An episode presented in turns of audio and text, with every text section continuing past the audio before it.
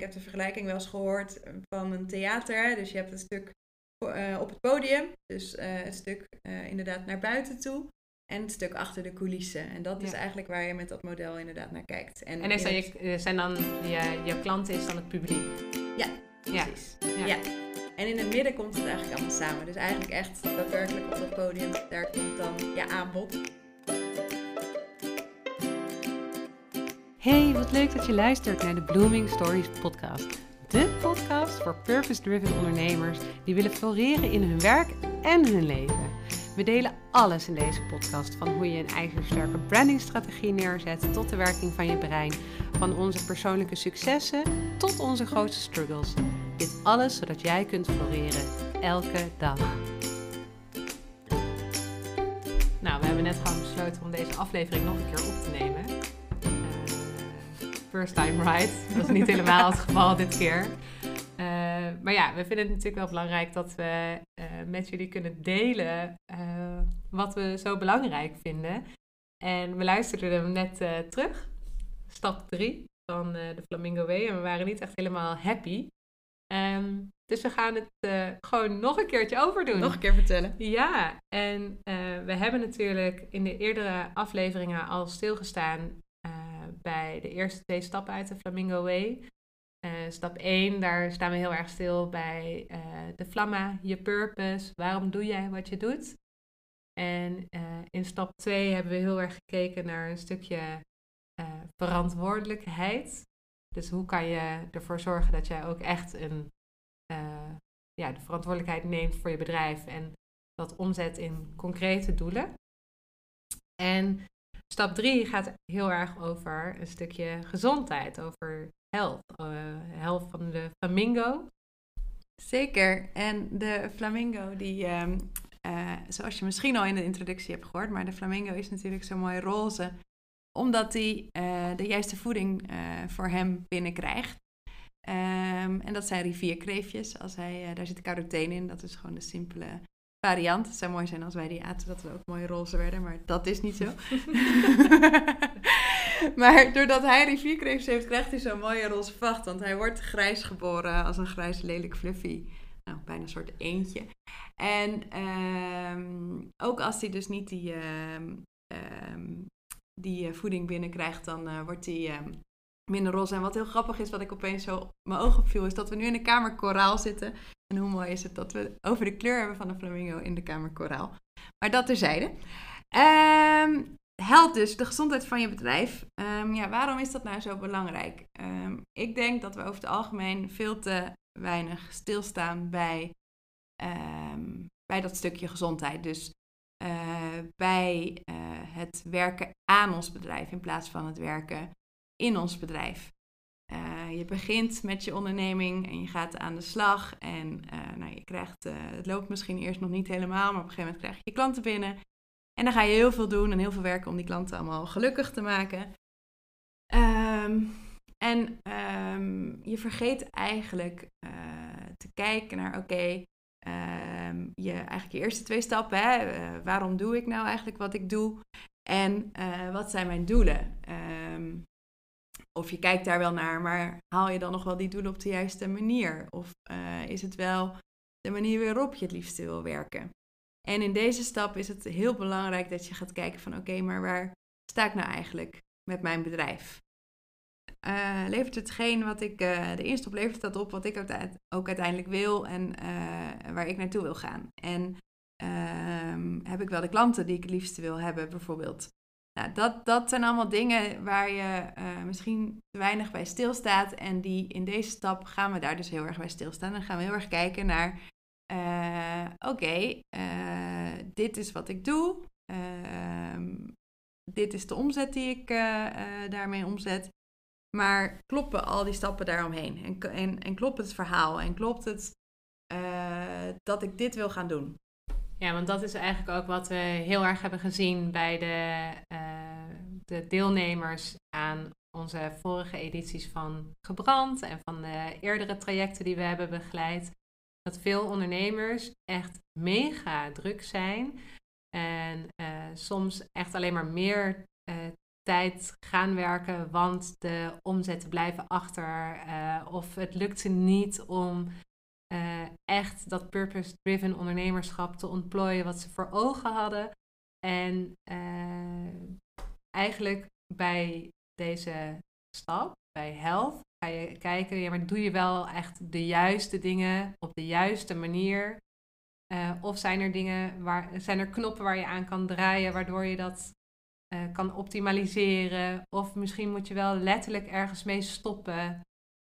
Uh, hè, om echt de gezondheid van je bedrijf te vergroten. Dus om te kijken, stop ik er eigenlijk wel de juiste dingen in? Ja, nee, nou ja, wat je inderdaad vaak ziet, of wat, wat, wat ik vaak ben tegengekomen, is bijvoorbeeld dat uh, iemand die uh, een, een, yoga uh, docenten, hoe noemen we dat?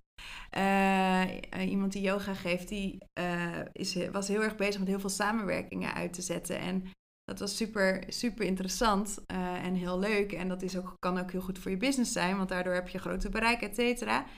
Um, maar daardoor liep wel een beetje het doel wat ze voor ogen had. En ook haar purpose liep daarmee spaak, zeg maar. Dus was niet meer uh, het bedrijf zo gezond als dat ze het eigenlijk voor ogen had voordat ze hiermee begon. En um, een andere klant, een schildersbedrijf, die hadden een heel breed aanbod. Um, wat ze eigenlijk niet zo door hadden, maar waardoor ze inderdaad dus wat jij net zegt van gewoon keihard aan het werk waren, alleen maar aan het rennen, rennen, rennen. Maar uiteindelijk niet bereikten wat ze wilden bereiken en ze niet begrepen waardoor dat kwam. Omdat ze nooit keken naar van waar zijn we nou eigenlijk precies mee bezig? Waarom doen we dit en waar willen we uiteindelijk naartoe? Ja, nou heb jij het over nou ja, eh, een yogadocenten en een, klein, een relatief klein schildersbedrijf. Maar dit is natuurlijk ook iets wat gewoon bij, uh, bij hele grote organisaties net zo goed aan de hand is. Toch? Zeker. Nou ja, zeker. Ja, kijk naar uh, eh, VND, wat natuurlijk al failliet is. Um, ehm, VND heeft uh, veel te lang, denk ik. Kijk, ik heb niet in hun, in hun managementteams gezeten, dus ik durf niet te zeggen hoe het allemaal is gegaan. Maar uh, zoals het er van buitenaf uitziet, hebben zij veel te lang niet naar een businessmodel gekeken. En dat zie je natuurlijk bij heel veel bedrijven. Dat zie je in de reiswereld. Dat is nu sowieso heel lastig, maar ook al voor heel coronatijd zijn er reisorganisaties die gewoon nog een heel ouderwets businessmodel hebben. Die nog werken met traditionele reisbureaus uh, en dat ook allemaal laten bestaan en uh, niet goed naar een businessmodel kijken. Terwijl je daar, uh, nou ja, in speelgoedwinkels, hè, Intertoys uh, is er ook een goed voorbeeld van. Het zijn allemaal bedrijven die, die daar in mijn ogen te weinig mee bezig zijn. En daardoor dus ja, vastlopen op, op punten en nou ja, in het ergste geval dus zelfs ook failliet gaan. Ja, en ik heb natuurlijk in de eerste podcastaflevering die ik in mijn eentje had opgenomen, stilgestaan bij de redenen voor mij om te stoppen met Canvas Rotterdam. Ja. Ehm, om, terwijl het eigenlijk gewoon een, in zijn totaliteit een winstgevende onderneming was. Ja, want Canvas Rotterdam is jouw locatie. Ja, dat is echt specifiek mijn locatie. Ehm, met, het, met het doel opgezet om mijn ideale werkplek beschikbaar te maken voor anderen. En nou ja, binnen een vrij korte tijd liep dat eigenlijk behoorlijk goed. Maar ergens begon het bij mij wel te wringen, omdat ik niet helemaal kon doen wat ik wilde doen. Dus dat het niet helemaal in lijn was met mijn purpose. Hè, want ik wil. Kijk, losjes was dat natuurlijk wel zo, want door het bieden van deze inspirerende, flexibel te ruimte, hielp ik daadwerkelijk mensen te floreren. Um, maar mijn ambitie was veel groter. Want uh, waar ik echt goed in ben, is, het, uh, is een stuk coaching en training. En op die manier mensen echt laten floreren. En uh, ik ben toen ook gewoon echt heel goed gaan kijken naar ja, wat, wat stop ik nu eigenlijk allemaal in mijn bedrijf. Dus wat, nou ja, om in de flamingo-termen te praten, wat waren mijn rivierkreefjes die ik er allemaal in stopte. En zorgde dat dan wel uh, uiteindelijk voor een gezond, uh, gezond bedrijf. En ja, heeft mij er toch wel uh, toe doen besluiten om met een heel groot deel daarvan te stoppen. Of ja, Canvas Rotterdam aan zich bestaat helemaal niet meer. Maar om ook dat businessmodel toch ja, op te geven. nou ja, nu in de tijd van corona is het eigenlijk eerder een zegen dan een vloek dat ik daarmee ben gestopt.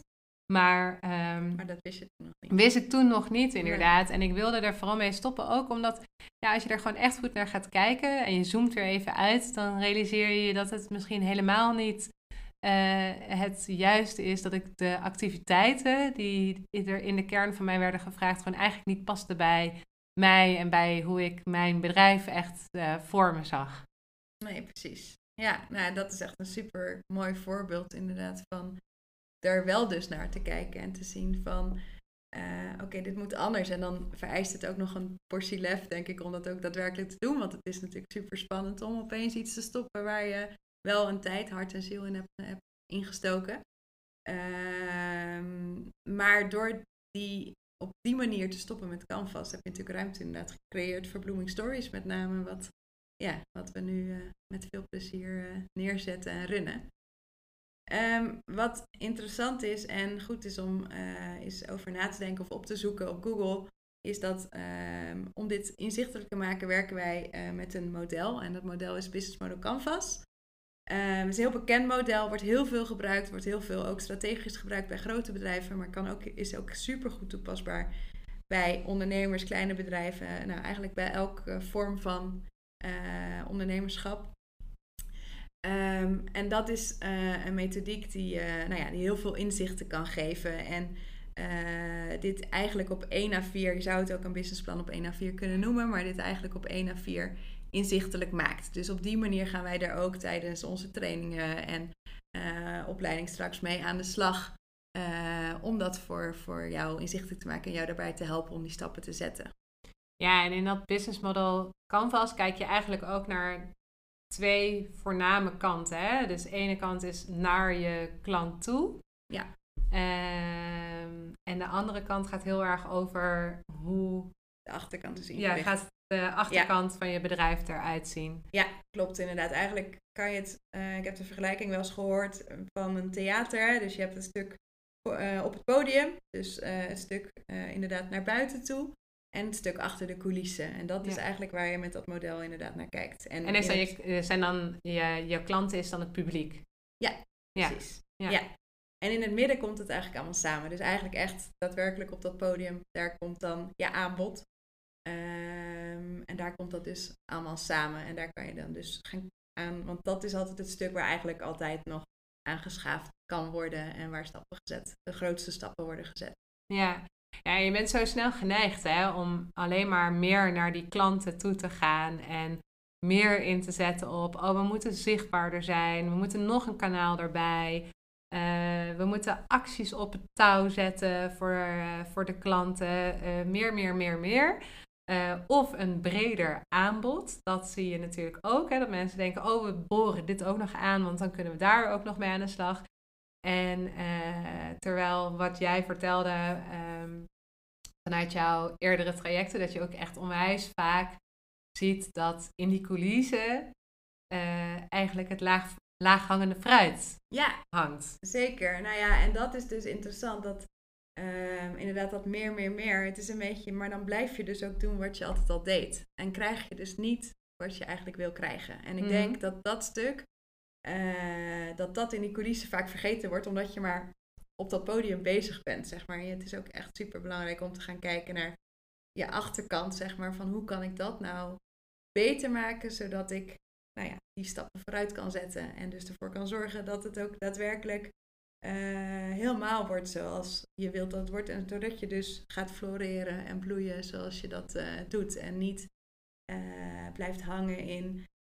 Ik heb zoveel. Een ander voorbeeld is van iemand die met zwangerschapsverlof, die zwanger was, super met zwangerschapsverlof ging en zei van ja, zou dan twee weken genoeg zijn, want ik kan uh, mijn klanten niet. Ja, twee weken. Ik weet niet hoe je het doet, maar.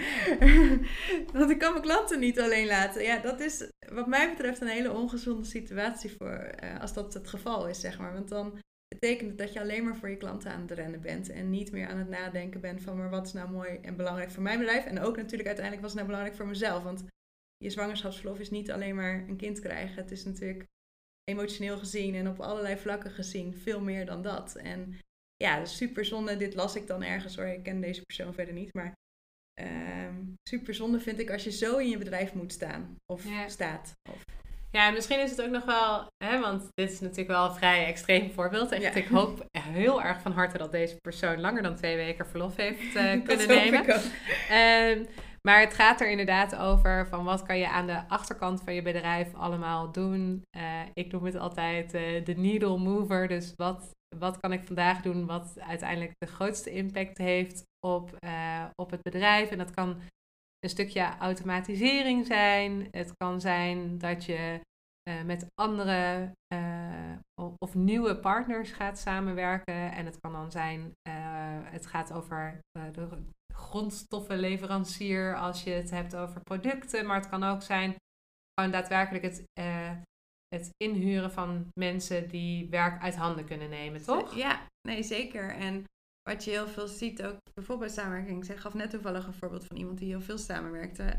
En dat kan ook een risico dus zijn, dus daar moet je ook goed naar blijven kijken. Maar samenwerkingen worden heel vaak vergeten, waardoor je, maar waar, daarmee kan je dus wel in heel snel kan je uh, uh, een veel grotere stap in je business maken. Bijvoorbeeld als je iets gaat lanceren en je wil eigenlijk het liefst een uh, campagne op tv, wat uh, voor nou ja, ondernemers over het algemeen niet zo heel realistisch is, want het kost gewoon echt heel veel geld.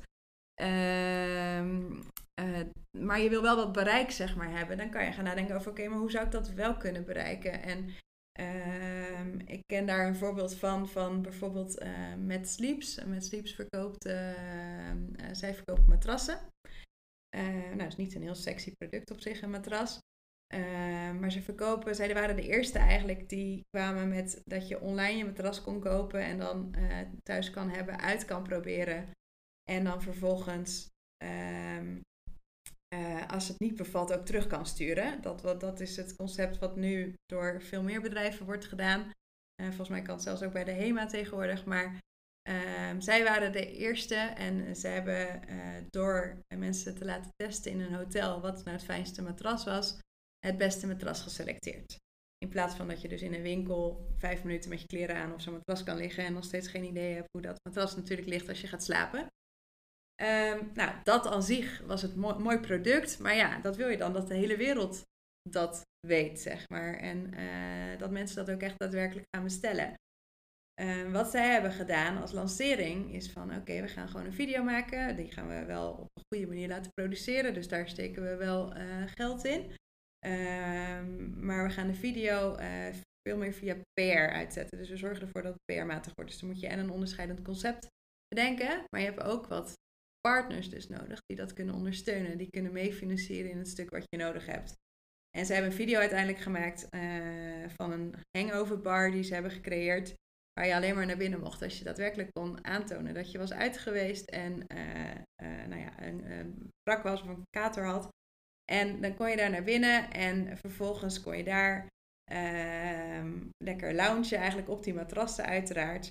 Maar werd er ook uh, dus uh, eten gebracht via Foodora, uh, wat toen nog op de Nederlandse markt was. En was het drinken van Innocent. En hebben Innocent en Foodora dus mee gefinancierd in dat project. En dat zijn dus hele interessante partners die heel goed pasten bij dit concept. die ook meer budget hadden om daarin te investeren. En door een heel uniek concept te maken, hadden ze dan ook nog een heel groot bereik. Dat filmpje is uiteindelijk meer dan 3 miljoen keer bekeken, volgens mij, wereldwijd.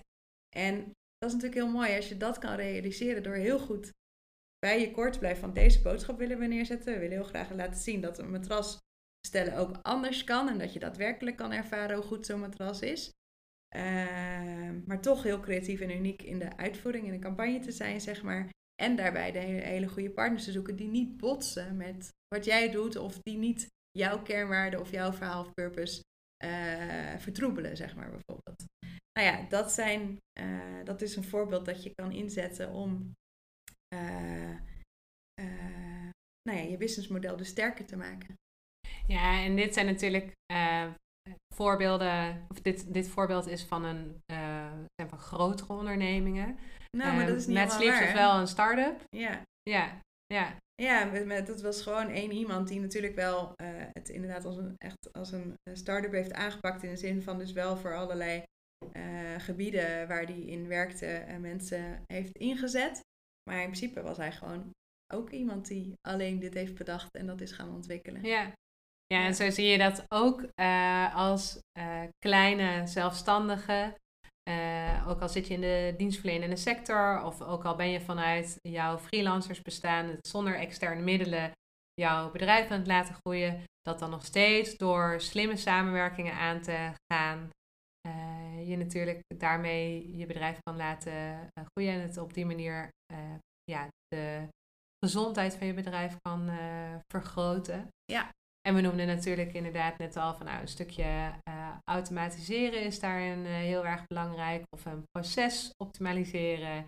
En dat kunnen echt super kleine dingen zijn. Hè? Net zoals, nou ja, ik heb natuurlijk doordat ik uh, veel coach, heb ik heel veel losse afspraken. Dus dat mijn agenda is soms echt een aan één geregen afspraken gebeuren. En uh, wat voor mij dan al bijvoorbeeld een needle mover kan zijn, is dat ik uh, met uh, de app Calendly werk, waardoor mensen in mijn agenda kunnen inplannen. Waardoor ik niet dat eindeloze heen en weer gemail heb met mensen om tot afspraken te komen die in mijn agenda passen. Dus het kunnen ook dat soort hele kleine dingen zijn die meteen al een impact hebben. Want ga maar eens optellen hoeveel tijd je per week kwijt bent aan het plannen van afspraken. Als jij, net als ik, uh, van uh, allemaal losse afspraken in een week uh, je werk maakt, om het zo maar te zeggen. En zo zijn er veel van dit soort kleine dingen. Dus het heeft ook wel vaak te maken met een stukje ja, tijd nemen om te meten waar je je tijd aan kwijt bent. Zeker. Ja, dat sowieso natuurlijk. Dat is ook een van de dingen die belangrijk is. En in dit het voorbeeld wat ik net gaf, ging heel erg over een campagne. En in jouw geval gaat het over procesmatig mhm. natuurlijk. Uh, maar het kan op allerlei gebieden zitten. Die samenwerkingen kunnen ook op allerlei gebieden zitten. Het kan ook je administratie zijn die je uit handen gaat geven, omdat het gewoon uh, jou veel te veel tijd kost en je er ook geen energie van krijgt, zeg maar. Maar het gaat in ieder geval allemaal om de dingen die in de coulissen gebeuren, om jouw aanbod zo scherp mogelijk neer te kunnen zetten op dat podium zo mooi mogelijke productie te kunnen uh, draaien, zeg maar. En dat het publiek een staande ovatie geeft. precies. en alleen maar wil kopen van jou. nou ja, precies dat. Ja. Uh, ik denk dat we hem daarmee moeten afronden, toch? Ik denk het ook. Volgens mij uh, is die helemaal rond. Dankjewel voor het luisteren naar onze podcast. We begrijpen dat het in deze tijd niet makkelijk kan zijn voor jou als ondernemer. Daarom is het juist zo belangrijk om jouw bedrijf goed onder de loep te nemen. We hebben nu, omdat wij het ook belangrijk vinden dat er zoveel mogelijk ondernemers floreren, ons programma online beschikbaar gemaakt voor slechts 99 euro. Hiermee ga je de 7 stappen van de Flamingo Way volledig doorlopen en zorg je ervoor dat jij gaat vliegen met jouw bedrijf volgens onze Flamingo Way. Kijk op bloomingstories.nl voor meer informatie.